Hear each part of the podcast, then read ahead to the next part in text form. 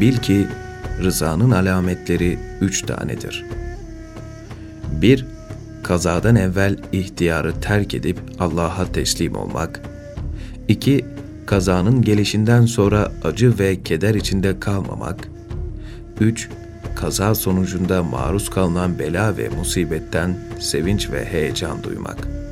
Çünkü sevene göre sevgilinin yapacağı her çeşit hareket beğenilir ve sevilir.'' Kazaya razı olmanın elde edilmesi için iki hususun düşünülmesi gerekir. Birinci husus şudur. Rızanın şimdi ve gelecekteki sağlayacağı faydalar. Haldeki yani şimdiki faydası kalbi yersiz ve faydasız keder ve üzüntülerden kurtarmasıdır. Kamillerden bir zat diyor ki, kaza ve kader hak olduğuna ve mutlaka tahakkuk edeceğine göre kulun dikkatli davranmasının ve korkmasının bir manası yoktur. Resulullah sallallahu aleyhi ve sellem Mesud'a hitaben buyurdu ki, Düşünceyi bırak, üzüntüyü azalt. Kaderde ne varsa o olur. Olmayan olmaz. Resulullah'ın bu sözleri çok hikmetli, manalı ve ders vericidir. Lafzı kısaysa da manası çok büyüktür.''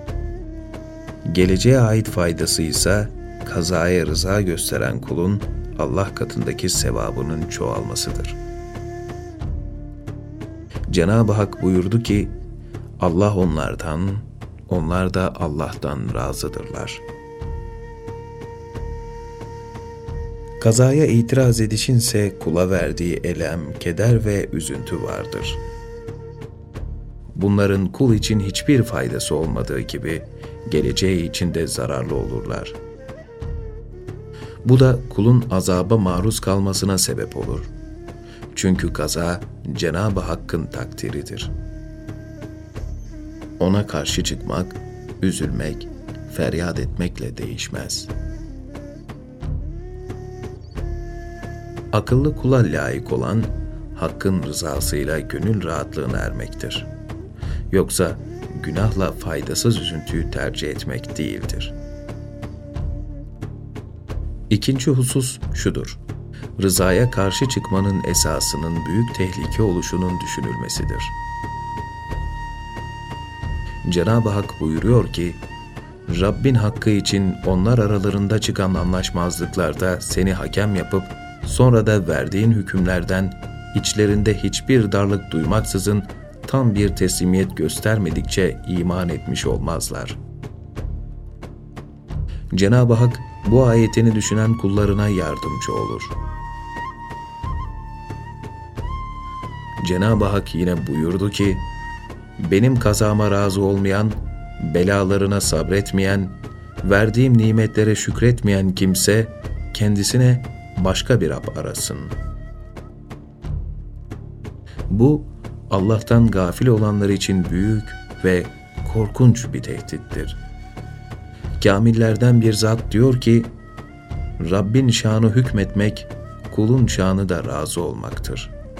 Eğer Rab hükmetmez, kul da razı olmazsa, ortada ne Rablık ne de kulluk kalır.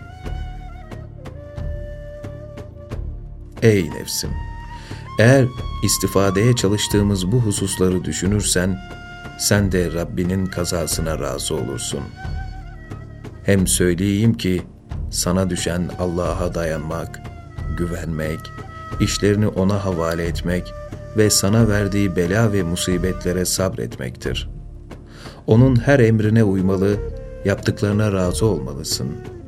Çünkü Cenab-ı Hak ezelde senin için ne takdir buyurduysa o senin hayrınadır.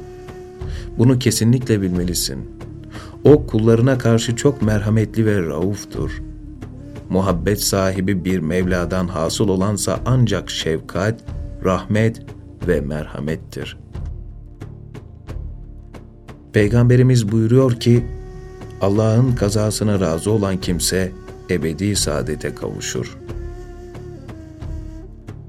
Eğer dünya hayatında herhangi bir sıkıntı ve zorlukla karşılaşacak olursan, Rabbinin sana olan merhamet ve rahmetini hatırla. Çünkü onun rahmeti geniştir. Sana verdiği sıkıntının mutlaka ferahlığını ihsan eder. Esasen senin başına gelen şeyler ezeli ilahide senin hakkında takdir buyurulmuştu. Allah'ın takdirindeyse asla bir değişiklik olmaz. O daima kullarıyla beraberdir. O, Kur'an'ında nerede olursanız Allah sizinle beraberdir buyurarak devamlı olarak bizimle beraber olduğunu bildirmişti. O beraberliği bilen insana maruz kalacağı bela ve musibetlerin ne etkisi olabilir?''